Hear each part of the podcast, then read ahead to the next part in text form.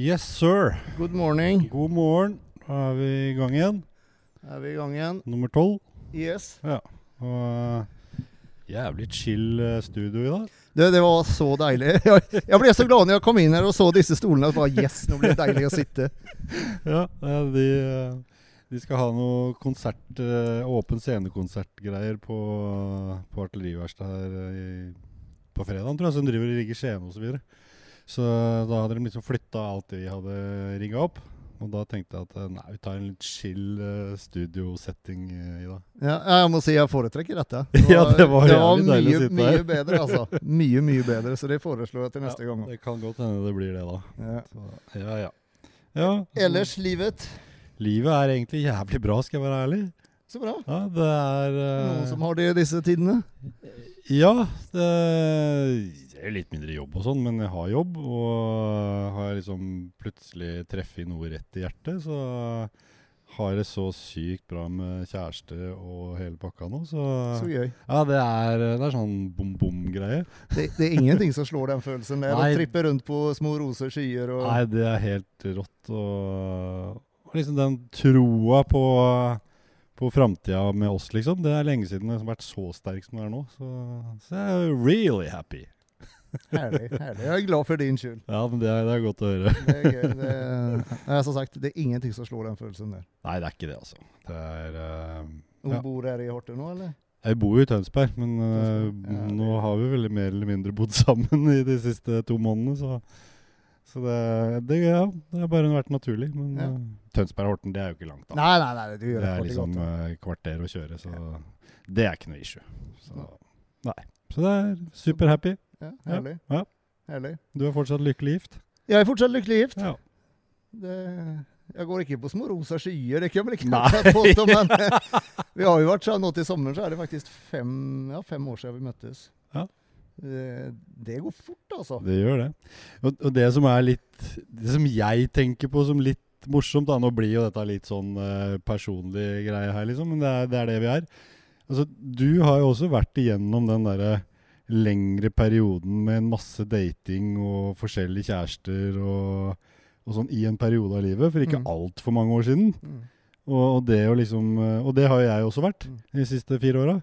Så, så vi er, vi, vi, jeg tror vi vet den derre feelinga å prøve, da. Å finne noe som passer eh, det, det man vil i livet. Ja. Og så når det plutselig på en måte dukker opp sånn helt ut av det blå, det, det er jo da det faktisk skjer. Det var jo sånn med, med Anine og meg òg, liksom. Det var jo som bare ja, visste hvem hverandre var og sånn, og så plutselig kommer vi sammen i en setting, og så er det bare kadrønn. Og det Ja, det er digg. Så du, du vet liksom litt Ja, jeg vet om det. akkurat hva du mener. Ja. Og, og, og just det når, når du liksom har passert 40 og Mm. er i den, Mm. i den bobla, datingbobla der, du, du blir lei, altså. Oh, du, har, du har liksom bare lyst til å, å slå deg til ro. Ja. Og det var samme når jeg møtte Renate, for da hadde jeg egentlig bare «Ja, Nå gir jeg faen i hele greia, ikke sant? ja. Og så, eh, med, så Men så var faktisk en, en, en jobbekompis til meg. Han, han spør, spurte meg om eh, Har du prøvd Tinder? Mm. Så jeg bare Nei, nei, ikke det. Bare sånn jævla Ja, Knullesite. ja, ja koka på pool. uh, ja, så, ja, så tenkte jeg for, eh, Så logget jeg meg inn og lagde en profil der. Og, Mm. og, og Renate, da, var, det var eh, samme dagen jeg signa opp der, Ja. så, så klikka vi like på hverandre. Da, og sen, Så det var sånn. Når du minst som du sier, når du minst aner det, og når du ikke leter aktivt, tror jeg. Mm. Det er da det skjer. Ja, det er det. Det er uten tvil. Det er alle mine erfaringer nå. Har, har jeg jo dratt litt på åra, så jeg har jo hatt noen forhold og, og datings opp igjennom. Mm. Og min erfaring er at det er da det funker. Ja. Når, det, når, du ikke, når ikke det står pip i panna på deg, liksom, Ja. og du har egentlig tenkt at vet du hva, alt er chill, og så plutselig så møter du noen som bare klikker på et nivå som er noe helt annet. Det er, Ja, det, er da det virker. Ja. Det er det. Så Og det er også en ting som, som Jo eldre du blir, jo, jo vanskeligere ja. blir det å finne noen som på, For man blir jo mer og mer sær, eller man blir mer og mer Man har komfortabel ved hvem man er, og sine Ja, ting. Ikke ja, sant? ja, ikke sant? Og du, du, du har ikke den greia med at du er så jævla villig kanskje lenger til å fire på alt mulig rart, eller du tenker at vet du hva, det her er meg, Mm. og take it or fucking leave Ja, it, liksom.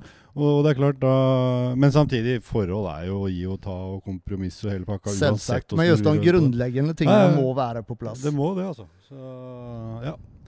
ja så, så der, er vi, der er vi tydeligvis eh, bra om dagen.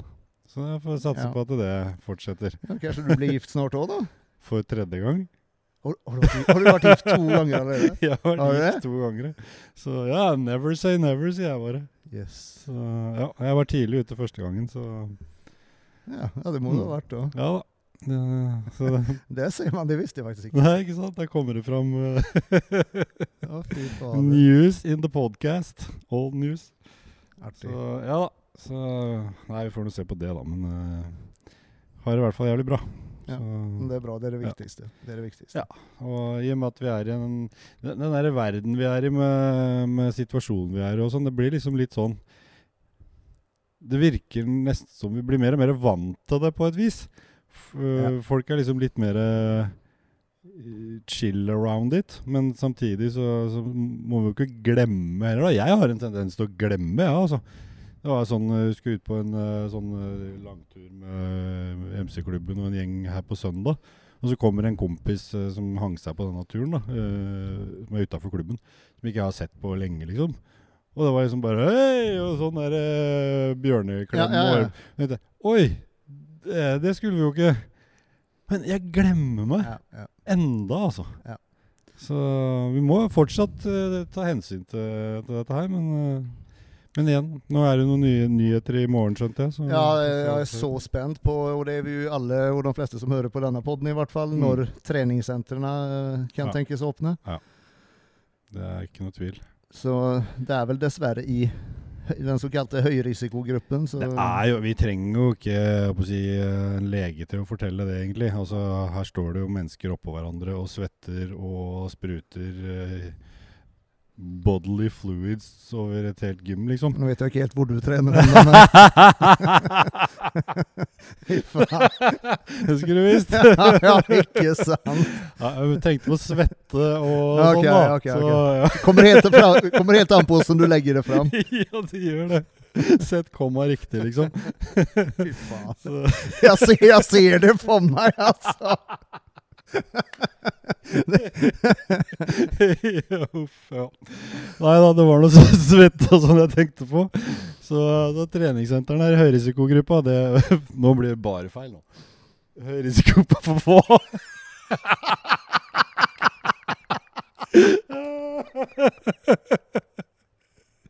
Oh my god. Ja. Ja. Nei da. Basically, vi håper at treningssentrene åpner snart. Ja, Jeg tror vi trenger det nå. ja fader, ass.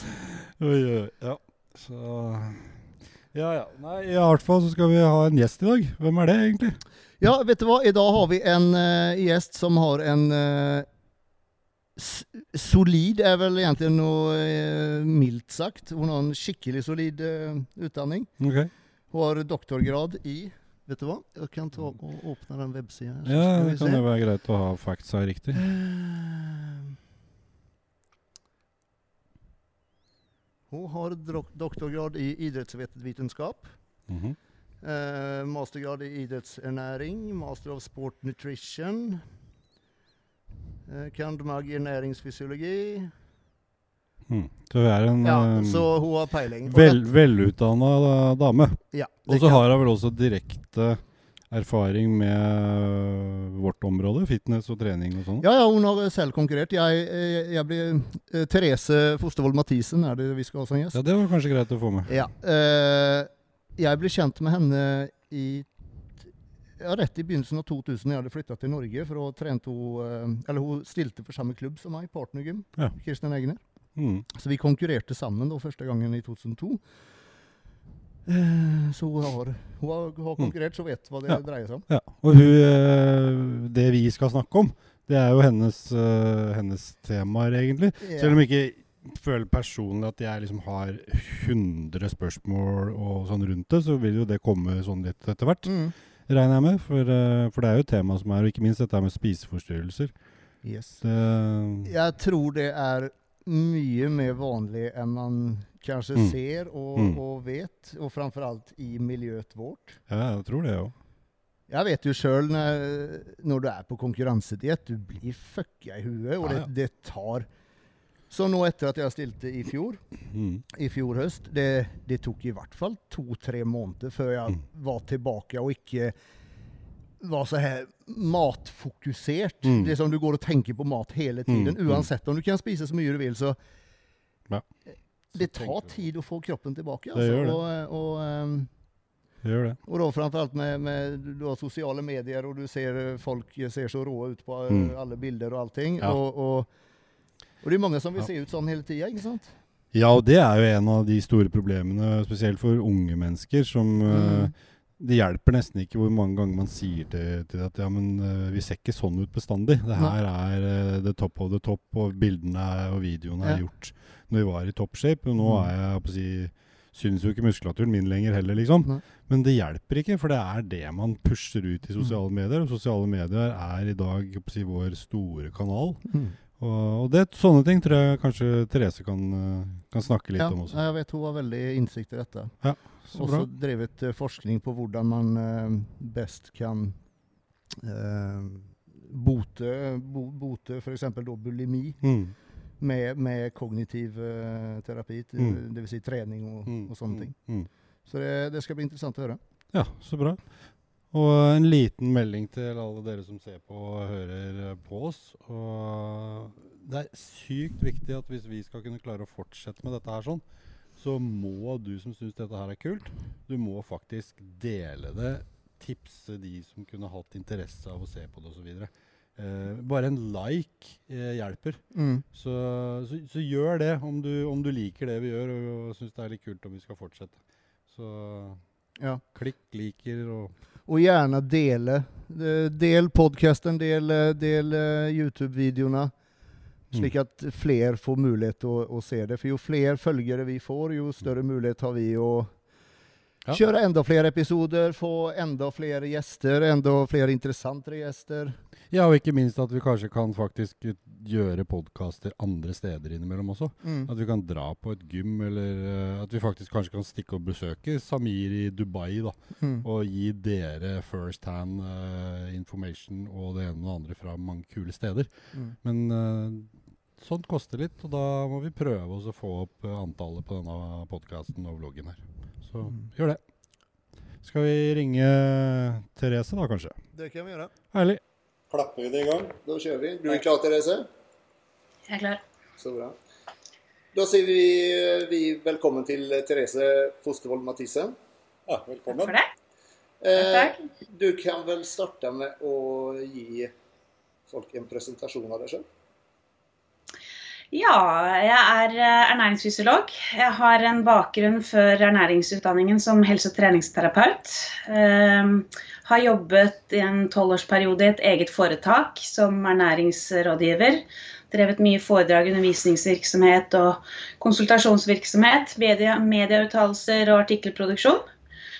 Eh, Så har jeg de siste fem årene gått videre i akademia med å gjøre ferdig en doktorgrad i behandling av spiseforstyrrelser. Med en helt, nesten litt kontroversiell, men helt ny eh, behandlingsmetode. Eh, Og etter denne doktorgraden så jobber jeg nå videre som forsker og underviser på Høgskolen i Østfold. Ja. Eh, Det er jo litt det, da. Det er jo ikke noe leke... en solid, solid utdanning, det.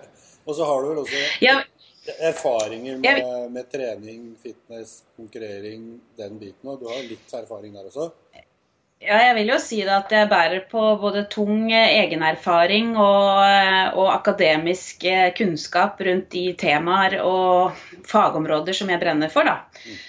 Og det er jo som du sier, jeg har en lang idrettsbakgrunn. Jeg har jo alltid drevet med idrett fra barneårene oppover. Sånn de tradisjonelle håndball og litt volleyball og sånn. Mens de senere, mer holdt på å si voksne ungdomsårene, så var jeg aktiv styrkeløfter. og Voksne ungdomsårene, den likte jeg, Therese. Ja, ja. Ja, men- det var litt for å skille på at nå er jeg blitt Nå er jeg ikke ungdom, nå er jeg voksen. Så hvis vi sier de voksne ungdomsårene, som var en tid tilbake, da. Den skal vi bruke, Så- Andreas. Den skal huske med ungdomsårene. Den Den vi. Den må vi huske. tusen takk, Therese. Ja, ja. Godt å høre at jeg kan utvide ordrepertoaret. Ja, det er bra.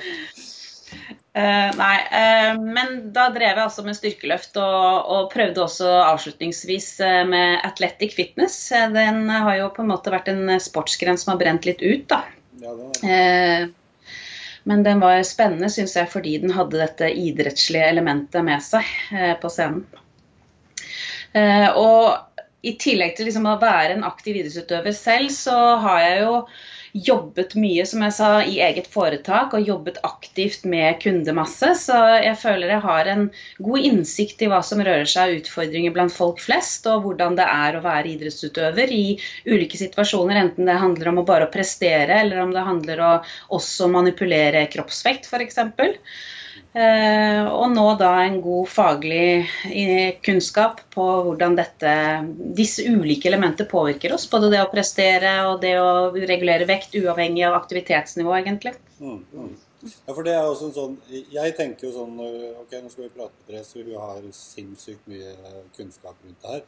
Jeg sitter jo ikke personlig med 1000 spørsmål, eh, men, så, så jeg tror nok du må lede an litt inn på temaer og sånn. Eh, for ja, jeg vet jo uh, Eller det vil si, jeg vet ikke. Jeg har hørt og jeg tror at uh, det er mye spiseforstyrrelser, mye mye rundt dette her innen den trenings- og spesielt den fitnessverden. Så det tror jeg kanskje du kan innlede og prate litt grann om. Dine Mm. erfaringer og ikke minst da det du driver med eh, Mm. i, i den verden. Mm. Jeg kan jo begynne med å si at det med spiseforstyrrelser var egentlig et fremmed tema for meg eh, i veldig mange år. Eh, og noe jeg overhodet ikke egentlig hadde sånn kunnskap eller kjennskap til i ungdomsårene. Eh, min interesse for ernæring den, den kom litt sånn tilfeldig under utdanningsløpet som helse- og treningsterapeut, hvor kosthold også er en viktig bit av det å veilede folk i livsstilsendringer og, og aktivitetsvaner. Eh, og etter hvert så kjente jeg litt på det at eh, som styrkeløfter, hvor du faktisk skal da trikse vekta di litt opp og ned i vektklasser, og, og for så vidt også klare å prestere på dagen det gjelder, så erfarte jeg at det var ikke så mange som kunne gi meg kunnskap i hva jeg skulle gjøre for å gå ned de par kiloene jeg trengte på å justere vektklassen min, eller eh, vite at jeg klarte å ha trøkk i kroppen til å ta i på stevnedagen. Eh, og begynner å tenke litt tilbake til egen idrettskarriere i, i ballidrett også. Det var aldri noen som fortalte noe om kosthold. Og vi var på lange cupopphold og var dritslitne i løpet av en helg med mye kamper, men det var ingen som sa noe om timing av mat og hva vi burde ha spist eller ikke spist osv. Så, videre. så etter hvert så fant jeg ut at det var mer ernæring jeg ville vite mer om, og spesif spesifikt da mot det å prestere. Eh, Fordi jeg hadde et ønske om å komme tilbake til idretten og bidra med økt kunnskap. Og, sånn at ikke så mange utøvere står i den tvilen og frustrasjonen jeg selv hadde kjent på. Jeg erfarte jo ganske raskt at det er vanskelig å komme tilbake til idretten, fordi at de, i hvert fall organisert idrett drives på dugnad og frivillighet, så det var ikke så mye å leve av som ernæringsfysiolog hvis du ønsket å selge inn dine tjenester der. Um, men, men etter hvert så har jeg da fått økt kunnskap om at mange da opplever dette med vektregulering i idrett som veldig vanskelig, og det, det tipper litt over til mer sykelige regimer. Uh, og så har vi også kunnskap nå om at det er ikke nødvendigvis idretten som medfører at folk begynner å få et spiseproblem, men at de søker seg mot spesifikke idretter hvor det er lov eller lett å skjule at man har et spiseproblem. Og, og spes, eh, sånn, generelt så viser det seg at eh, ungdom og mennesker som er fysisk aktive, eh, de får et bedre selvbilde, mestringsfølelse, eh, egenopplevelse og står bedre rusta i å tåle en del påkjenninger i livet. Eh, og generelt så vil man da tenke at det å være fysisk aktiv og et godt forhold til egen kropp vil være en, en buffer og en beskyttelse mot det å utvikle f.eks. såpass ekstrem eh, spiseforstyrret atferd at du har en diagnose som kalles spiseforstyrrelse. Um, men så ser vi dessverre da at i en del idrett uh, så er det faktisk en høyere forekomst av spiseforstyrrelser enn det vi ser i den generelle befolkningen. Så vi trodde at det å være fysisk aktiv skulle gi deg en, en fordel og stå bedre rusta, fordi du har et bedre forhold til egen kropp og, og selvfølelse og selvbilde. Uh, men så ser vi da plutselig at hm, det er faktisk litt ille stilt i noen idretter. Og da er det, det er klart at dette finnes jo i alle idretter og alle samfunnslag, uavhengig av idrett eller ikke. Da. Men, men, som jeg sier, det, jeg har plutselig sett da, med en del kartlegging at det, det, er faktisk en overforekomst av spiseforstyrrelser og spiseforstyrret atferd blant aktive, en del aktive i forhold til de mindre aktive i befolkningen. Men Eh. hvis jeg skal prøve å tenke litt i forhold til det er sånn som jeg tenker noen ganger, da. Ja, jeg hører at det er mange som har spiseforstyrrelser og, og, søker seg kanskje mot fitness-trening-biten og den greia Mm. der sånn. For der Mm. får man liksom en slags kontroll på det man spiser. Så jeg kan jo fort tenke at det, ja, ok, det er synd at man har uh, spiseforstyrrelser og den biten der, men Mm. er det ikke da kanskje litt bra at man bruker det inn mot en litt sunnere greie med trening, Mm. komme i form, spise Mm. sunn mat og den biten der sånn? Eh, Mm. Eller tar jeg feil der? Jeg tenker helt Mm. feil der, liksom. Nei, jeg forstår veldig godt tankegangen din, og jeg ser uh, veldig mange reportasjer i ulike treningsrelaterte miljøer, altså eh, magasiner og nettsteder, som veldig ofte presenterer sånne suksesshistorier. Gikk fra anoreksi til fitness, eh, fikk det bra, se på kroppen, nå er hun frisk, ikke sant? Mm. Eh, og så glemmer vi det at eh, kroppen og utseendet på kroppen handler ingenting om hvordan man har det med seg selv, og hvorvidt man har en diagnose eller ikke. Um, og jeg, jeg, jeg tenkte jeg skal lande litt på den, men bare løfte frem det at selv om vi ser spiseforstyrret atferd og, og også spiseforstyrrelser i veldig mange idretter, så er det noen som er spesielt utsatt. Og det er helt klart de som har fokus på vekt, ikke nødvendigvis bare estetisk sett. Men det er helt klart en risikogruppe i seg selv. Da. Disse ulike idretter, RS, stup, eh, gymnastikk og fitness, som du er inne på, hvor du skal faktisk levere produktet kropp i utseendet. Eh, det er en høyrisikosport, helt klart. Eh, Men så har du også disse som vi kaller vektbærende idretter, som f.eks. å løpe maraton, det å gå på ski, der du skal bære din egen vekt over en veldig lang distanse. Det er jo ikke legge skjul på at det å ha en lavere vektmasse og forflytte da over tid, eh, vil være eh, energibesparende og gjøre at du eventuelt kanskje holder ut og vinner, ikke sant? Mm. Eh, Og, og til slutt så vil jeg kategorisere det som vi kaller vektklasseidretter. Boksing og ulike kampsport eh, og, og styrkeløft og vektløfting, hvor du skal trikse opp og ned. ikke sant? Mm. Så de, disse ser man jo en overforekomst i eh, i forhold til andre idretter. Eh, og så kan man lure på er det idretten som utløser dette problemet, eller er det det at man søker seg mot det. Og det er begge deler. Mm. Det er det helt klart. Det er begge deler. For jeg vil Ja. fort tenke at det er litt sånn at man søker seg ja. Men er dette noe som har blitt mye mer av nå på senere år? Eller har det Eh, alltid vært sånn litt i kulissene? Jeg tror nok det alltid har vært sånn. Eh, Men jeg har lyst til å lande litt på det Jon sier med, med fitness. Er det ikke bedre at de nå får kontroll og spiser litt? Eh, For det Min erfaring fra fitnessmiljøet var jo før sosiale medier. Ja. Er, Den er natt og dag, for å si det sånn. Eh, og um, da var det ikke så lett å holde kontakt med en tilhengerskare som lika deg opp i skyene, og som pusha de ekstreme interessene dine så veldig uh, høyt. Um, men uh, ja. Eh, jeg, jeg syns det, det er litt uheldig utvikling, da. Fordi vi ser det at det er veldig mange nå som søker seg mot fitnessidretten med en underliggende spiseforstyrret atferd eller spiseforstyrrelse. Eh, fordi de nå har funnet en idrett hvor det er lov å være opptatt av kalorier og matinntak. Hvor du skal være det. Hvor det er lov å trene mye. Fordi du skal være det. Eh, og dette har jo også blitt en, en idrett som som skiller seg fra den tradisjonelle kroppsbyggersporten, eh, hvor kroppsbygging handlet om hele tida å utvikle seg. ikke sant? Eh, utvikle masse. Og skulle du utvikle muskelmasse, så kunne du ikke være halvdeffa året rundt. Du var nødt til å slippe deg opp i vekt og, og legge til rette for en eh, vekst i kroppen. ikke sant? Ja, Nok for- kalorier. For det er liksom en av de tingene som jeg også har tenkt litt på.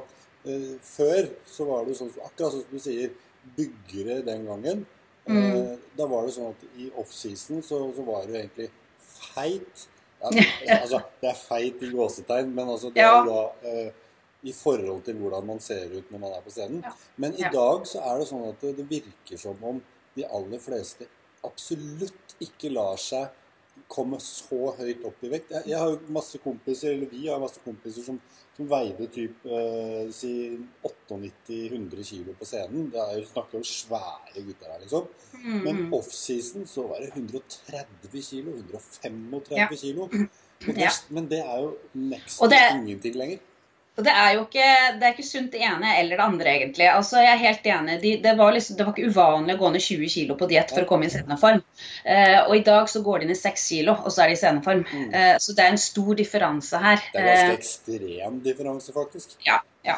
Og det, det er jo verken, altså, verken det ene eller andre er veldig bra. Noe midt imellom hadde kanskje vært bedre. fordi at hvis du driver stadig og, og, og svinger deg 20 kg opp i vekt, så er ikke det bra for eh, de ulike fysiologiske prosesser, som f.eks. skjelettmasse eller stoffskifte over tid osv. Men, men det er heller ikke bra å gå da halvdeffa gjennom året eh, i en, en, egentlig en tilstand hvor kroppen ikke har det eh, suverent bra, rent fysiologisk, og som regel ikke mentalt heller. Eh, og, det er det jeg er litt bekymra for, da, disse som nå er veldig opptatt via sosiale medier også, hvor du får den økte drivkraften til å være opptatt av det, holder seg litt sånn halvdeffa året igjennom eh, og lever etter de samme regimene som man gjør normalt tre-fire måneder på diett, men som man nå trekker ut i det lange løp. Så nå er det på en måte å bevege seg inn i et miljø hvor det er lovliggjort da, å telle kalorier og trene mye, hvor det er lovliggjort å være veldig restriktiv gjennom uka, men å ha en såkalt cheat day. Og det var der jeg skulle liksom tilbake til når vi holdt på før sosiale medier. Eh, Jeg tror ikke noen av oss kunne begrepet cheat day da. Vi, vi, altså På offseason så spiste du det du skulle, men på, på diett så skulle du helst holde deg strikt. Og så kunne man ha en såkalt spisedag. Men de virkelig gode utøverne, de spiste jo da mat. De spiste ikke junkfood og godteri og is og bøtter og spann av dritt. ikke sant? De Nei, spiste kvalitetsriktig mat. Når jeg hadde cheat day, eh, og coachen min sier at hva jeg skal spise, jo, så var det ekstra ris, en ekstra kjøttklump eller et eller annet sånt noe. Det var Ja. ikke en haug med brødskiver med Nugatti og godteri og sjokolader og sånn skit som var liksom Det, det, det var ren, sunn mat. Det var bare mer av det en gang i Mm, uka. mm. Ja. ja, jeg er helt enig, og det er sporet helt av med disse cheat days, da. Eh, og, og vi som gikk på diett eh, før sosiale medier, hvor vi, viste, hvor vi viste hva vi gjorde, eller sånn som de gjør nå, hvor de viser sine cheat days. Altså, vi, vi turte jo knapt å snakke om at vi hadde røket på dietten og spist en proteinbar mer enn det sto på planen. ikke sant? Det var fy-fy, det var svakheter, det snakket vi ikke om. I dag har man lovliggjort det mønsteret at du skal på diett, du skal telle kalorier, du skal være strikt, og du skal ha preppa maten din uka gjennom, men så skal du ha en cheat day, da skal du såkalt grisespise, og du må gjerne ta bilde av det og skryte av hvor mye du har klart å spise. Og da begynner vi å lovliggjøre det atferdsmønsteret du ser ved alvorlige spiseforstyrrelser. Og da er det klart, da er det lett å bevege seg inn i dette miljøet hvis du allerede har en underliggende problem, eh, og ikke blir fanget opp fordi du går inn i et miljø hvor dette er normal atferd. Og gjerne det at etter cheat days så blir det litt dårlig samvittighet, så da tar du inn en ekstra treningsøkt dagen etterpå for å kompensere. Og da er vi inne i et bulimisk atferdsmønster, og så er en av diagnosene for spiseforstyrrelser. Mm. Og dette er jo litt, litt av det vi ser når vi kartlegger nå, for vi har jo nettopp gjennomført en kartlegging av fitnessutøvere også her i Norge. Eh, Og da ser vi dessverre en veldig høy andel med selvdefinert spiseforstyrrelse, at de, har hatt, de innrømmer å ha hatt det tidligere. Og vi ser med våre måleinstrumenter at en god del av de dessverre fremdeles har problemer. Vi kan ikke si om de hadde det før de startet med fitness, eller om de fikk det av fitness, men vi ser at det er en høy andel. Og jeg finner ikke det unormalt, fordi at dette er et miljø hvor det på en måte er akseptert å, å leve på den måten som man dessverre også gjør ved spiseforstyrrelser. Hva tror du att en sån, av, av, av din uppfattning, det kanske inte finns någon direkt forskning på det, men en då som har kanske någon underliggande spiseforstyrrelse som kommer in i fitnessmiljö och da skal stille gå på en hard konkurransediett. Mm. Blir det verre da? Ja. Det blir helt klart verre. Det som blir eh, verre, det er ikke på dietten frem mot konkurranse. fordi at da er dedikasjonen og motivasjonen så sterk at det er små glipper underveis, men ikke noe alvorlige som preger verken deg mentalt eller fysisk. Etter hvert begynner du å bli sliten, selvfølgelig. Det kjenner vi jo igjen når det nærmer seg konkurranse. Da er man jo ikke på høyden verken fysisk eller psykisk. Eh, men det som skjer etterpå, hvor alle snakker om at ja, men da skal du spise deg gradvis opp igjen, det er det jo ingen som gjør. Alle, alle, ryker på smell etter smell. For kroppen er sulten. Det er en helt vanlig fysiologisk mekanisme som driver deg mentalt til å ikke klare å stoppe. ikke sant? Kroppen er utsulta. Eh, og, og, og, og, trenger mat. Og når du nå ikke lenger har den bremsen som konkurransen og scenen var, så er det vanskelig å holde igjen. Det er ikke noen argumenter, liksom. Du tenker at jeg tar det neste dag, jeg tar det neste dag, og så klarer du ikke det. Eh, ja, men, men jeg har lyst til å litt sånn eh, psykisk nedtur av det også.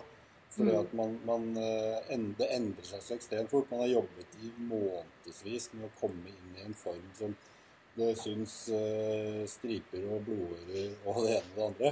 Og så går det liksom, så er det ei uke, liksom, så er det bare sånn poff! Det er borte. Det går fort. Og, og den er tøff. Jeg svartmaler jo veldig nå og sier spiseforstyrrelser, alt sammen og fitness, alt sammen. Men eh, jeg er jo fullt klar over at majoriteten har nok ikke en spiseforstyrrelse, selv om de har det vi kan kalle en spiseforstyrret atferd, fordi du er så himla opptatt av hva du skal spise og ikke spise osv. Så, så, er det ikke nødvendigvis en psykisk belastning å ha dette fokuset for alle. Eh, men når du spurte innledningsvis er det ikke bedre at de går, tar steg fra en spiseforstyrrelse til å gå inn i miljøet og lære seg riktig, jeg tenker at uh, grunntanken din ved å gå fra det syke til å lære seg hva som er riktig, det, det er jeg helt enig i. Men hvis du går inn i et miljø for å lære det riktige som fortsatt har fokus på kropp, så er det ikke riktig.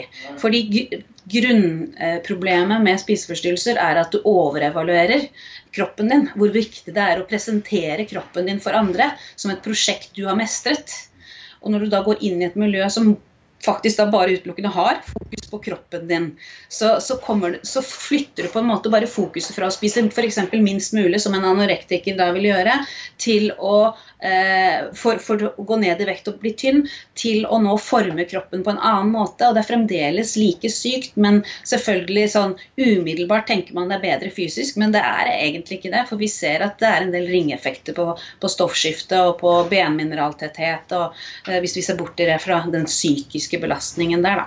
Jo, for, for, det, for, det, er jo liksom sånn, Hvis jeg skal, hvis jeg skal liksom dra egne erfaringer inn det Og jeg, jeg har på ingen måte spiseforstyrrelser, uh, men allikevel så blir man litt forstyrra av uh, jeg merker jo en forskjell på meg og kroppen min etter at jeg da har i mange, mange år levd veldig sunt. Så jeg har en, en ganske flat, sunt kosthold med sunne råvarer osv. Og, etter en, eh, en deff osv. Så, videre, så var det enda verre. For når jeg kom mm. tilbake liksom, til, til, livet igjen da, ved å spise mm. normalt uten at jeg hadde noen noe forstyrrelse av noe greier, så, så, merker jeg at å, fy fader, hvis jeg spiser det, en haug med brødskiver og er bolle eller et eller annet sånt noe Magen er jo totalt opprør. Og så tenker jeg oi, nå må jeg ha fått en eller annen slags uh, intoleranse for et eller annet her. For det her er jo mm. helt på trynet. Så selv om man ikke har psykiske forstyrrelser eller spiseforstyrrelser ja. osv., så, videre, så blir du absolutt prega av et langtidsbehandling av kroppen når du ja. endrer det igjen etterpå. Ja. Så, så, det er også litt sånn interessant her. Ja, det, og det er klart at uh, har du gått på en streng diett, så er ikke bare kroppen generelt utsulta, men tarmen din er også utsulta. Tarmen din fungerer ikke optimalt. Uh, dels at den ikke har møtt de ulike matvaregruppene hyppig nok til å, til å, tolerere det, for det er jo en trenbarhet du må gjøre med tarmen din, f.eks. å tåle brødvarer.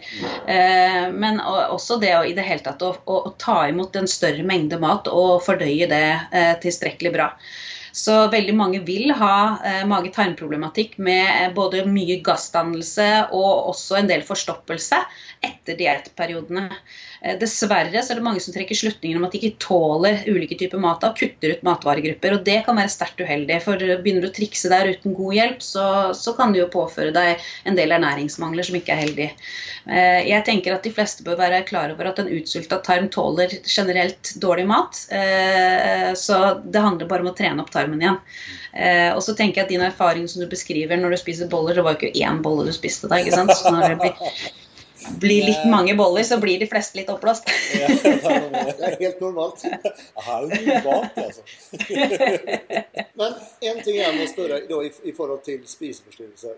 Eh, man hører jo alltid at jenter, jenter har veldig ofte spiseforstyrrelser. Men er det like vanlig Ja. gutter, eller er det gutter som også har spiseforstyrrelser? Ja, jeg må bare presisere, jeg vet hva du mente, men bare presisere deg. Det er ikke riktig å si at jenter har veldig ofte spiseforstyrrelser. Men det er flere jenter enn gutter som Ja, har ja. spiseforstyrrelser. Det var, sånn. det var sånn. Men det er det man hører. Man hører om jenter som har det, men man hører aldri om gutter, liksom. Nei, det, statistikken sier at det er ti ganger så mange jenter som eh, gutter som har spiseforstyrrelser. Eh, den statistikken tar utgangspunkt i anoreksi og bulimi. Eh, nå har vi en ny diagnose med overspisingslidelse som kommer inn, eh, og den viser seg å være mye mer kjønnsnøytral. Eh, og for å være liksom, raskt, en sånn rask oppklaring, det som skiller de atferdsmessig, da. For det underliggende er veldig ofte likt. Enten det kan handle om egenverdi og evaluering av egenverdi, eller det kan handle om traumatiske opplevelser i oppveksten og omsorgssvikt, som kan være utløsende årsaker, sammen med genetikk. Og det må vi ikke glemme. Det er genetikk som ligger mye bak ulike lidelser, også spiseforstyrrelser. Eh, Men hvis vi ser på symptomene, så vil jo anoreksi så handler det om å spise veldig lite og ofte trene veldig mye, sånn at man blir eh, veldig avmagra og tynn. Ved bulimi så har du det i alle vektklasser, men veldig ofte i normalvektklassen, så du ser det ikke på de. Eh, Men de har da gjentatte episoder hvor de mister kontroll over matinntak eh, og spiser mye mat. Og, og prøver å kompensere i etterkant, enten med å kaste opp maten, eh, bruke avføringsmidler eller å straffe seg selv med mye trening. Eh, og så har vi overspisingslidelse, som er på vei inn i det diagnostiske systemet, som har vært siden 2013 i det amerikanske diagnostiske systemet. og Det, eh, det handler da om mye av det samme som bulimi. Gjentatte, ukontrollerte overspisingsepisoder. Eh, men de har ingen tømningsatferd etterpå, så de kaster ikke opp eller trener det vekk. Så i den diagnosegruppa så vil du stadig se en økende vekt som, som, eh, som følger da, eh, sykdomsforløpet. Så en del av den overvekt-fedmeproblematikken vi ser i samfunnet, eh, ikke alt selvfølgelig, men en del av det kan handle nettopp om en sånn type lidelse. Og denne, det er litt trist at det er få som kjenner til at dette faktisk er en diagnose, for det er mange som klandrer seg selv over at man ikke har eh, dedikasjon og, og selvdisiplin, og, så handler det faktisk om en lidelse man trenger hjelp til å håndtere. Jeg har faktisk aldri hørt om akkurat det. Eh, jo, altså det er, eh, det er en sannhet. Og de anslår at rundt en 30% av de som søker seg mot fedmekirurgi, altså sånne mage-tarmoperasjoner for å gå ned i vekt, rundt 30% av disse har en slik type diagnose. Ehm, så, og, og som sagt, her ser vi mye mer kjønnsnøytralt mønster, hvor eh, det er flere, flere gutter enn vi ser i de andre diagnosegruppene. Mm. Hva med megareksi oppi dette her? Ja, eh, ortoreksi og megareksi det er mer sånn type begreper man bruker for å betegne Hva er ortoreksi? ortoreksi?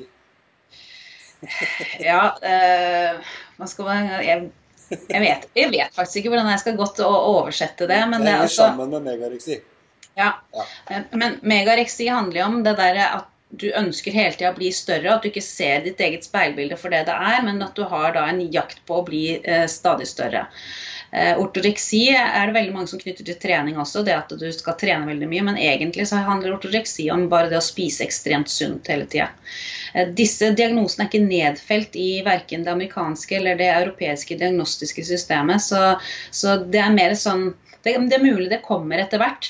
Eh, Det som mangler, er veldig klare definisjoner på hvorvidt du har diagnosen eller ikke.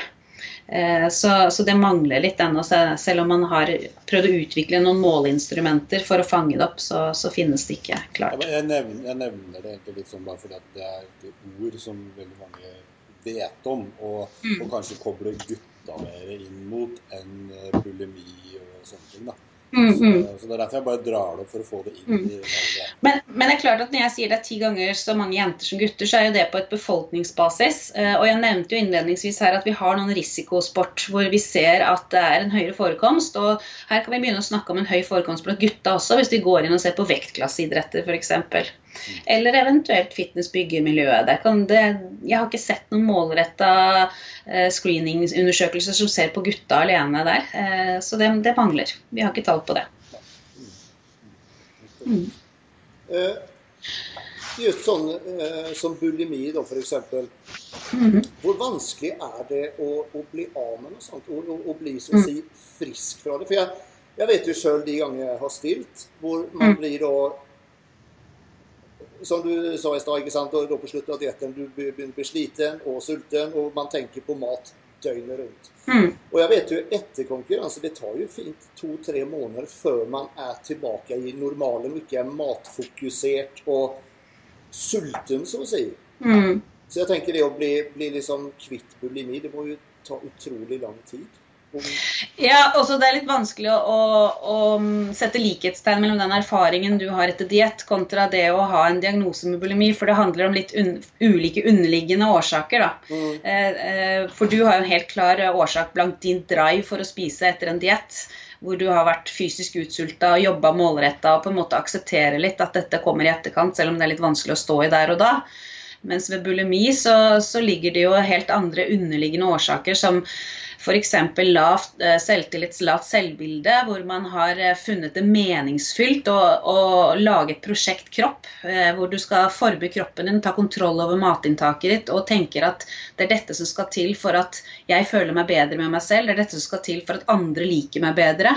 Det er dette som skal til for at jeg lykkes. Hvis jeg klarer å ta kontroll på dette, så, så har jeg kontroll på livet mitt.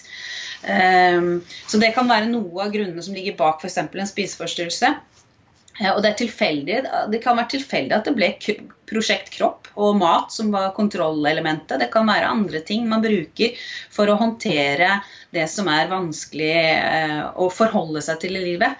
Kan, eh, spiseforstyrrelser kan også være et uttrykk for som selvskading. Altså Noen velger å, fysisk skade seg selv, rispe opp eh, og skape fysisk smerte på kroppen.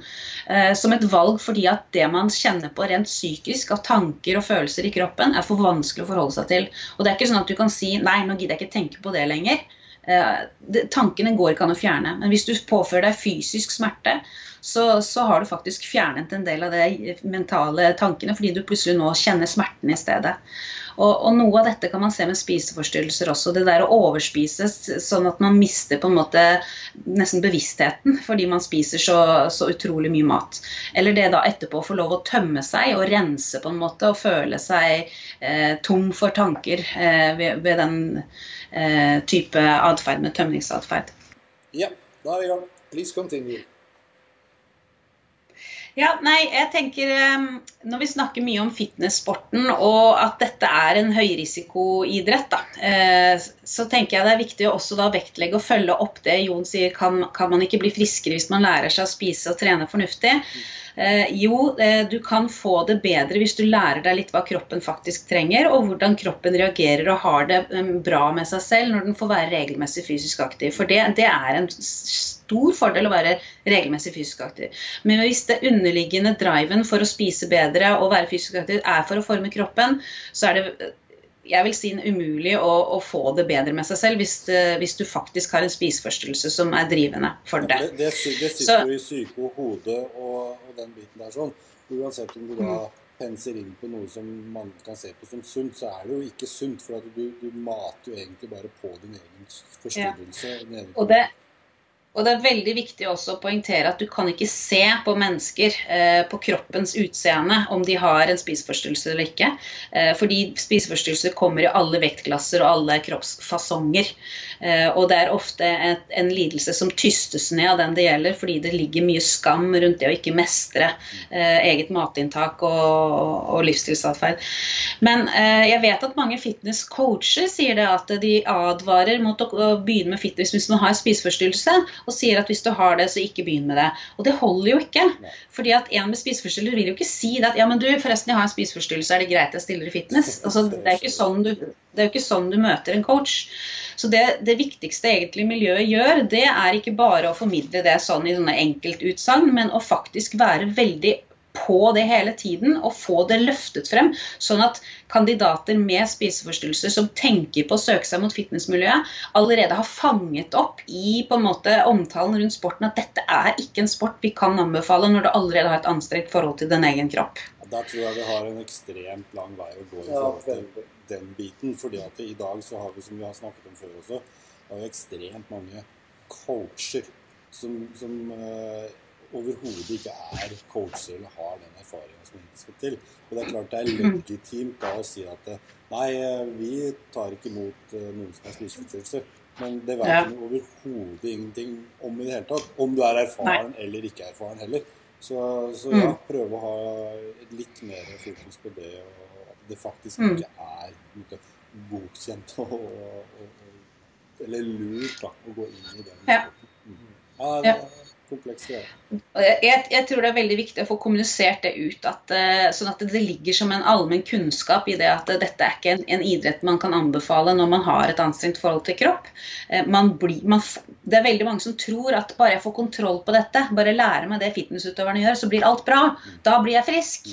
Det, og, og, det må vi få avlivet, den myten der. For det, det, er ikke det som skal til for å håndtere en spiseforstyrrelse. Så, eller, Andreas, andre idretter. Det bør ikke bare være fitness. Ja, ja, ja. Men, eh, men, altså at man velger å gå inn i en annen idrett fordi at man ser at ok, de folka som holder på med den, om det er boksing eller ski eller fitness eller whatever, så, så er det sånn ja, men de folka har jo kontroll, og, og da kan mm. jeg gå inn i det, for da får jeg kontroll på det. Det funker ikke sånn. Mm.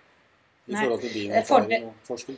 Jo, jo, helt klart. Men, men, fordelen med annen type idrett som du nevner her, er at de egentlig har prestasjonsfokuset, eh, ytefokuset. Så, så, du kan fremdeles med en spiseforstyrrelse gå inn i de eh, idrettene og gjøre det bra, bare du har god oppfølging på, på, på regulering av vekta di og, og selve sykdomsbildet. Men hvis du går inn i en sport hvor du kun skal presentere kroppen din som et produkt, så vil du ha en utfordring. Ja, det er jo eh, derfor kanskje blir litt sånn litt mer i en sånn uh, idrettssportgren som, som, vi snakker om. For det her er det jo egentlig mm. en sånn skjønnhetskonkurranse, og du trenger mm. sjelden å yte noe annet enn å stå og snurre rundt fire ganger så se bra Ikke?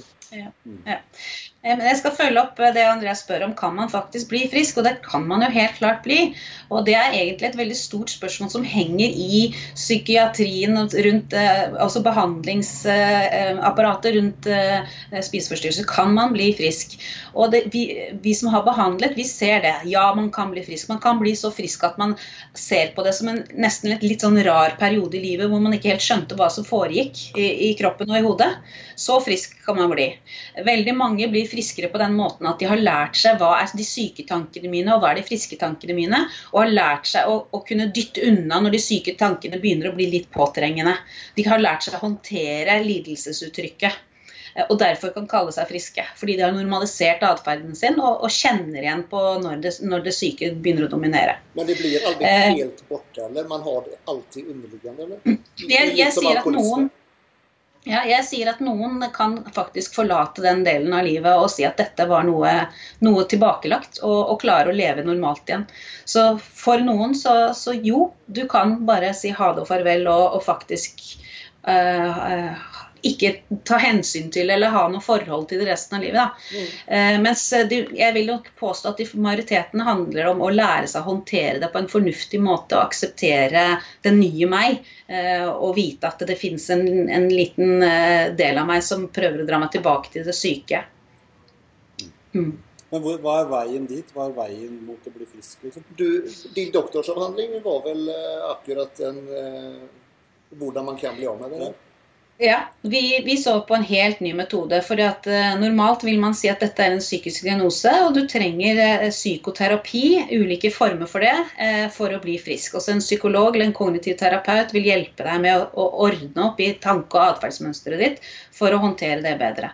Vi har brukt en helt ny terapi, og vi vil jo si at vi jobber psykoterapeutisk vi også, men vi gjør ikke det direkte ved å sitte og snakke om følelser og identifisere triggere og tanker og atferdsmønstre. Vi praktiserer gjennom å opparbeide oss et, eh, et eh, sunt og normalisert kosthold igjen, med å en del, avlive en del myter og etablere det som er normalt kosthold igjen. Samtidig som vi gir dem en opplevelse av mestring eh, og kroppsfunksjonalitet gjennom et tilrettelagt treningsprogram. Og på sikt så, så, jobber dette her i underbevisstheten med å skape en bedre mestringsfølelse og selvbilde og håndteringsevne og impulsregulering. For fysisk aktivitet er nemlig en viktig bit i det å lære seg impulsregulering. Det at du klarer å eh, håndtere raske ideer om hva du burde gjort eller ikke gjort, eller eh, sagt eller ikke sagt. ikke sant? Um, og det er faktisk en liten del av den store utfordringen blant mange av spiseforstyrrelsesuttrykkene. Det at de har en dårligere evne på å impulsregulere og håndtere endringene i stemningsskiftet i, i, i sinnet sitt. Så det å lære seg teknikker for å håndtere det, enten det er å mentalt jobbe med seg selv, eller om det er å praktisere og erfare hvordan man kan håndtere det på andre måter, har vist seg å være like bra metoder. Mm. Man må, altså, før man kommer dit, så må man jo innrømme, gjenkjenne osv. Og, og det er ja. vel en lang prosess i seg sjøl å innse og akseptere at man faktisk har et problem. Ja. Veldig ofte så kan det gå en ganske lang periode hvor man føler stor kontroll, og at alle andre tar feil når de påstår at du har noen utfordringer, fordi du erfarer selv at du har så eh, et bra prosjekt å jobbe med og så stor kontroll rundt det. Men eh, jeg vil si utelukkende alle vil også erfare etter hvert at dette tar overhånd og blir vanskelig å, forholde seg til. For noen blir det så stort problem at det er vanskelig å fungere eh, både psykososialt og i arbeidssituasjon, i studiesituasjon, fordi at eh, tankene rundt mat og kropp har tatt såpass mye overhånd at det, det er vanskelig å forholde seg til helt normale eh, arbeidsoppgaver, forpliktelser. Mm. Finnes det noen tall på, på hvor, hvor, hvor, mange i fitnessmiljøet som, som kan tenkes lide av det? Eller finnes det noe sånn Hva er det?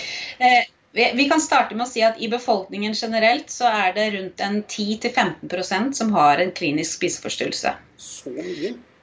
10-15, ja. Eh, og Det er en litt oppjustering av tall, for det er, eh, det er stadig noen nye eh, populasjonsundersøkelser som kommer, og som, som, gir oss nye tall. og det er, det er, ikke noen rykende ferske akkurat nå, men det er liksom det siste vi har sett. 10-15 i idrettsmiljøene så er det opp mot 60 Oi. ja, men, men, men, men, da snakker vi om sære grupper. ikke sant? Jeg har allerede nevnt at du har noen høyrisikomiljøer. ikke sant? Uh, og når, vi, når, jeg sier 60% så er det ikke en klar klinisk diagnose, men at de har såpass spiseforstyrret atferd at vi ser at dette er langt fra normalt.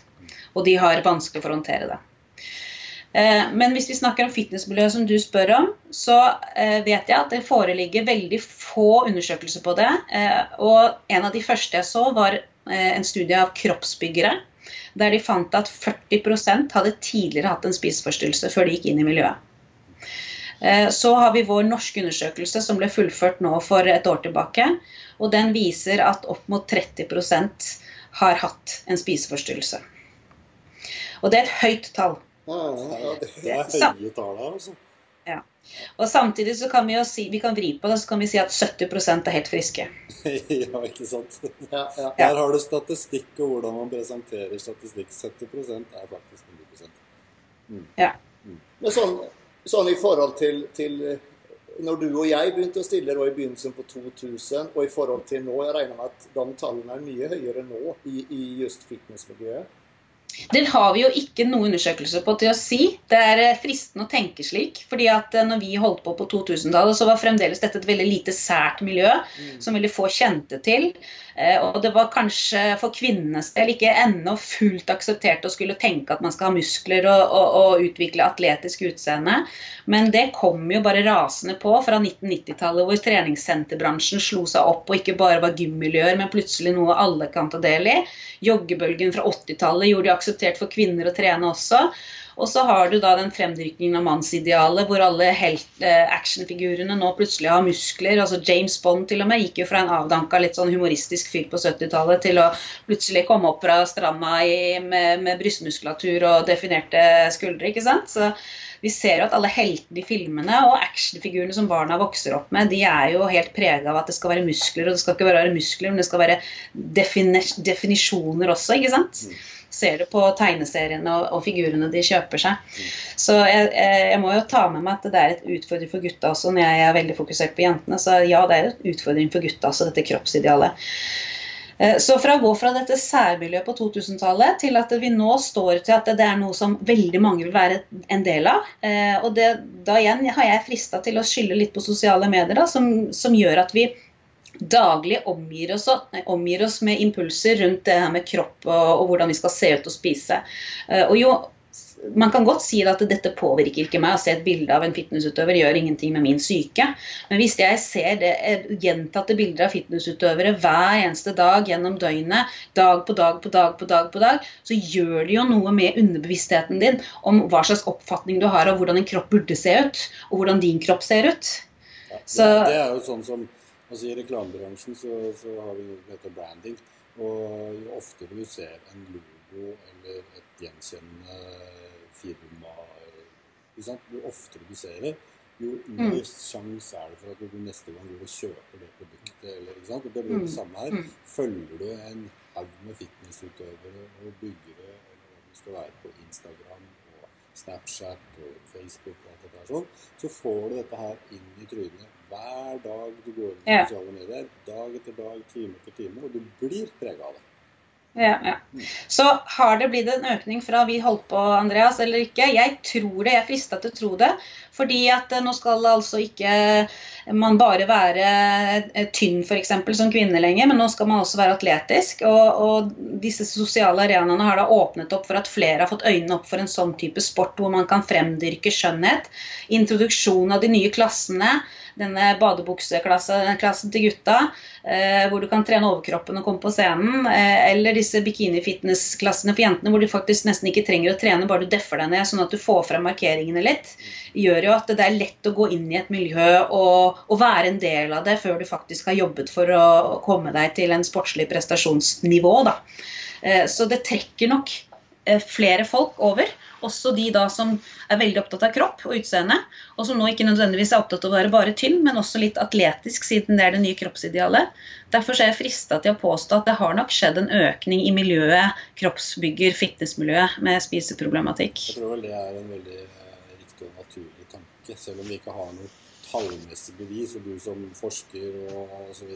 ikke kan liksom slå noe tall i bordet og si at ja, det er verre nå enn det var da. Mm, Men mm. likevel så er det jo en, en naturlig måte å tenke på. Det er jo mange mange flere. altså fitness, Verden fitnessmiljøet har jo eksplodert i forhold til når vi holder på med, dette mer aktivt. Mm. Så, så, at det er flere. Det tror jeg er viktig. Mm. Mm. Og da igjen, da, da, blir det jo veldig viktig med sånne samtaler fra personer som deg, som faktisk eh, er legitime til å komme med, med tall og kunnskap om dette her, sånn, og hvordan eh, gjenkjenne det hvordan få hjelp. Er det noen steder som man f.eks. kan henvende seg? Eh, mm. Kan man bare ringe Therese, liksom? Eller kan man mm. mm. Det, ja. Eh, og det, det, er jo ikke alltid så lett å få tilgang til hjelp eh, når man eh, endelig tar motet til seg for å spørre om det. Og, og, fastlegene vet ikke nødvendigvis nok om hva spiseforstyrrelser er, og spesielt ikke overspisingslidelse, som veldig ofte bare blir bedt om å slanke seg. og det gjør jo ikke saken bedre når det, det er kropp og mat de i utgangspunktet er opptatt av. Eh, så jeg vil jo i utgangspunktet tenke at eh, vet du og har en god dialog med fastlege, så er jo det en, en, en naturlig tanke at eh, dette er det første stedet du henvender deg, eller som ungdom til helsesøster for å, åpne opp for en dialog og få tips om hjelp. Men ellers så finnes det jo gode kontaktsteder du kan ringe inn eller maile inn eller møte opp på, sånn som på eh, Spiseforstyrrelsesforeningen og rådgivningsorganet for spiseforstyrrelser ROS. Eh, og innen idretten så har vi jo Sunn idrett, sunnidrett.no, hvor du kan ringe inn på bekymringstelefon og enten å fortelle om andre du er bekymra for, eller om deg selv, og få råd og tips om hvordan du skal gå frem. Uh, og jeg tenker at det, det, dummeste man gjør, er å søke seg til en ordinær personlig trener og tenke at bare du hjelper meg med kosthold og treninga, da jeg går ned litt i vekt, så blir alt bra. Det er ikke veien å gå. Nei, det ligger jo et ansvar uh, på den kategorien, altså alle som driver med å lære folk å trene, coacher, PT-er og den biten der sånn, og, og mm. ha øynene åpne for sånne ting. Og, mm. og jeg, jeg, er veldig glad for oss se at mange er opptatt av trening og ønsker å trene. Og jeg prøver ikke å få folk vekk fra det å tenke at muskelbygging og trening er, er dumt. Det er bare det at hva er, hva er drivkraften, hva er motivasjonen din for å drive dette her? Eh, og du skal gå hjem fra trening med en positiv opplevelse, ikke bare i det du fikk pump i bicepsen og det var målsetningen, men det at du erfarer at det å slite seg litt ut, det gir deg en god følelse etterpå, og at det, det er med på å styrke din opplevelse av ditt selvbilde og mestringsevne, det at du har gode rutiner på treninga di og erfarer treninga som konstruktiv. da. Mm. Ja. Det er et utrolig interessant tema. Er det noe du vil eh, avslutningsvis si? Eh, Dette er jo tematikk som går igjen i mange av forskningsprosjektene mine, så jeg må jo få lov å drive litt egenreklame. Nå har jeg nylig offentliggjort en eh, nettside hvor målsetningen min er å gjøre nettopp slik forskningsbasert kunnskap mer lettere tilgjengelig. Én ting er som forsker å sitte og skrive artikler på engelsk og publisere internasjonalt i store journaler. Jeg tror da, da svever det forbi de som faktisk trenger det, målgruppene som trenger å vite om det. Så Derfor så har jeg nå utvikla en nettside hvor jeg skriver på norsk hva jeg forsker på og hva vi finner. Så på tfmathisen.no som er initialene. Flott. Der har vi bl.a. fitnessstudien omtalt. Der eh, omtaler vi også nå en stor kartleggingsstudie vi har av treningsinstruktører. Vi jobber med eh, profesjonelle dansestudenter i Norge og ser på de. Eh, det er mye eh, dokumentasjon på hva vi fant i dette behandlingsprosjektet, som jo var en del av min doktorgrad. Hva vi gjorde for noen ting, og hva vi fant, og hvordan deltakerne faktisk også opplevde det, som har fremkommet også i intervjuer. Så her vil det komme etter hvert flere publikasjoner som jeg håper er interessant for folk flest. Ja, det er jo kjempebra, og det er jo et sted å gå til og, og lese litt og bli litt kjent med hva Therese driver med også. Så det er kjempebra. Tusen takk, Therese. Ja, kjempe, kjempebra at du stilte opp. Tusen takk for at jeg fikk lov å prate. Jeg syns det er et veldig viktig tema, så ros til dere for å ta opp dette her og våge å sette litt fokus på det. Tusen takk. Så bra. Da ses vi sikkert en eller annen anledning igjen. Det gjør vi plutselig. Ja, ok. Yes. Ha det. Ha det. Ha det, ha det. Ja, da har vi prata med Therese. Utrolig interessant. 30% i fitnessmiljøet som har spiseforstyrrelse.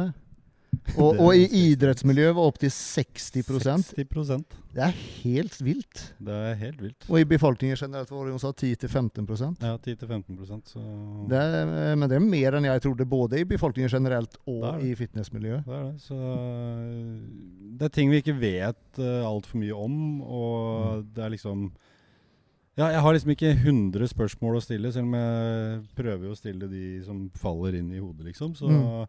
Så er temaet ekstremt interessant, altså, og viktig, ikke minst. Ja. Så det å få ansvarlige eh, innen våre idretter. Altså som du sier, coacher, PT-er, Mm. teamledere, uh, medkonkurrerende osv. Mm. Til å ha øya litt grann oppe for deg, det er kjempeviktig. Men det er som Therese sa, liksom, du, man ser det ikke. Nei, du gjør jo ikke det. Du klarer jo ikke å se Nei, sånne ting. eh, for du følger ikke med på hver gang en, en person eventuelt overspiser og kaster Nei, opp, eller, eh, eller, eller sånne ting. og- og- Vanskelig tema. Ja. Og det jeg kan da se for meg, er hvor utrolig vanskelig det er for noen som har det, å innrømme det. Mm. Eh, og jeg tenker da kanskje at det er enda mye vanskeligere for gutter å innrømme det. Ja, for det er jo nesten helt ukjent. Eh, kjenner Tror ikke jeg har kjent noen, jeg, som Du kjenner ingen som har, som har nevnt det, i hvert fall? Som har nevnt nei, at de nei, har som, det? Som jeg bare kan si at ja, han har Det eneste jeg kan liksom gjenkjenne, er jo liksom sånn som jeg nevnte, brødrene der megareksi-greiene. At jeg ser og kjenner en del gutter som, som tror de er små, men egentlig så er de kjempesvære. Det kan, men det er noe helt annet. Ja, det, det er liksom ikke spiseforstyrrelse. Nei, det, det, er noe, det er mer en sånn uh, Og akkurat det, den megareksin tror jeg vel egentlig var vanligere før. Ja, sikkert. For nå ser du ikke så mange byggere lenger heller. Nei, på gjør ikke det. måte. Det er jo ikke så kult å være så svær Nei, nei, ikke så, sant. så det er nok ikke så mye av det. Men, men spiseforstyrrelse, bulimi og sånne ting, det, det er Mm. sånn Nei. Det, Og bare det hun kalte overspising, det at, Mm. man, at man bare overspiser, men uten å kaste opp og, og, Mm. og faktisk bare legge på seg, mm. det visste jeg ikke ens var en diagnose. Nei. Det trodde jeg bare liksom var det er sånn, ja. Men det er jo blitt så vanlig, og du ser jo det, hvor mange er det ikke som, som eh, legger ut bilder av cheat dayen sin, liksom, hvor de har spist uh, fire sjokoladekaker og 100 sjokolader og boller og Mm, ja. For, for å skryte av det. Altså, jeg ser så mye drit jeg har Ja. spist i dag, liksom. Eller her, noe som er et nytt fenomen som har kommet på YouTube, det her med 10,000 calorie challenge og Er det ikke sant? 15 000, og du skal Mm. liksom Og det er liksom små jenter som gjør det. Det er jo ikke bra. Nei, det er faen ikke bra, Ass. Og det oppfordrer jo liksom til at det er kult å, Ja, ja, å ha ha en sånn spiseforstyrrelse. Hvis du spiser kjempesunt i ukene, så kan du Ja. døtte inn på et sånt måltid i helgene, Nei, liksom. det er liksom eh, Ja. Det er helt vilt. Og da det er liksom sånn du kommer til sånne av disse ekstreme gutta. Nå har vi jo akkurat hatt en uh, verdensrekord uh, satt av Haftorov. 501 kilo i, i Men det verste er at det er så lett. Det er ikke lett, men Nei, han had, han hadde mer inne. han hadde nok mer inne. Jeg tror han fint hadde dratt en 10-15 kilo til, i hvert fall. Det kan godt hende. Og, men når du kommer til det nivået, da, tenk deg hva de gutta eter av. Jeg vet jo bare han Eddie Hall, han, når, han, når han var aktiv, Mm. han, han lå jo på sånn 15 000 kalorier om dagen. Ja. Så, og jeg, regner med at han, den godeste Bjørnson ikke spiser noe mindre enn det. Han spiser ikke noe mindre enn det. Det er ikke noe tvil om. Men ikke sant? man må kunne klare å bruke hodet og se at det, vet du, dette her er ekstremutøvere. Man, man, sånn som vi snakka om tidligere med, med Thor i forrige, forrige gang. Liksom. Det fins jo ingen annen sport eller idrett som man direkte med en gang man begynner å trene, kopierer en ekstremutøvers både trening og spiseregime. Og det er klart, Da er det jo fare for å bli fucka på ganske mange områder altså hvis man skal gjøre det. Men det var det vi begynte med når vi begynte å trene. ikke sant? Ja, Da leste vi Flex ja, og, og Ja. Muscle Mag og alt dette, og så kopierte vi hva Coleman trente. Ikke sant? det Og så lurer man på hvorfor man i helvete ikke ser sånn ut. ja, det er jo helt sjukt. Så det ligger jo noen sånne Ja, ja, ja, hjernekoblinger her som ikke er helt uh, sunne i utgangspunktet. Og det er klart, når du da også i tillegg da vil slite med, med sånne spiseforstyrrelser og sånn, så blir det jo ikke noe bedre.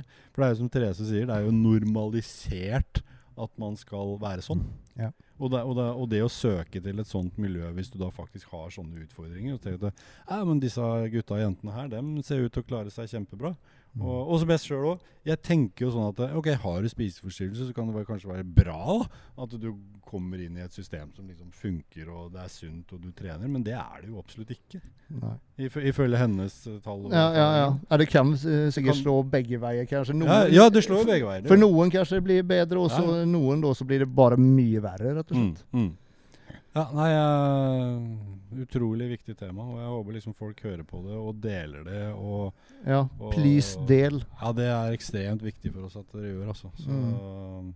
jo flere liksom som får med seg dette her, og, og still spørsmål, kommenter, og mail oss eller send oss melding hvis det er noe dere liksom brenner for å ta opp. Uh, vi, vi er ikke noen sånne guder som kan finne ut hva alle lurer på, så vi er avhengig av at folk kommer med innspill. Mm. Så nå hadde vi jo veldig mange av den si, voksne garden som var kjempehappy eh, med forrige episode og de temaene og den biten vi tar opp der. og, og, og sånn, og det, det er jo kjempeartig. Vi syns jo også det er dritmorsomt å sitte og mimre om uh, gamle storhetstider og sånn. Men vi, vi må ha hjelp til å gå videre med hvem er det vi skal snakke med som er eh, si, up to date og, og komme ut i liksom det som folk er veldig opptatt av nå. Ikke sant? Der må vi ha litt uh, innspill. og sånn. Mm. Hvem er det dere vil høre om? Hvem, hvem vil dere prate med? Hvem dere ser på Skype? Hvem dere ser i studio? Mm. Ikke sant? Sånt er uh, håper vi kan få litt hjelp til. Mm. Mm. For vi kommer til å fortsette med det. Absolutt. Så Absolutt. skal vi faktisk eh, i et lite møte med sjefen for uh, i Form og Proteinfabrikken etterpå. Uh, hvor de ønsker også å gå videre og utvikle denne podkasten her Mm. til noe enda bredere og enda større. Mm. Så, Så for, kanskje vi har noen spennende nyheter å komme med neste Neste episode. gang kan det hende vi kan komme med litt news. Så- Og kanskje gymmen har åpnet neste uke, hvem vet? Hey, hvem vet? Jeg tviler sterkt, da, men Tviler på at det er det første som åpner, dessverre. Ja. Høyrisikogreia der. Så, men, men, det er lov å håpe, i hvert fall. Det er det. Until next time. See you then. See you then.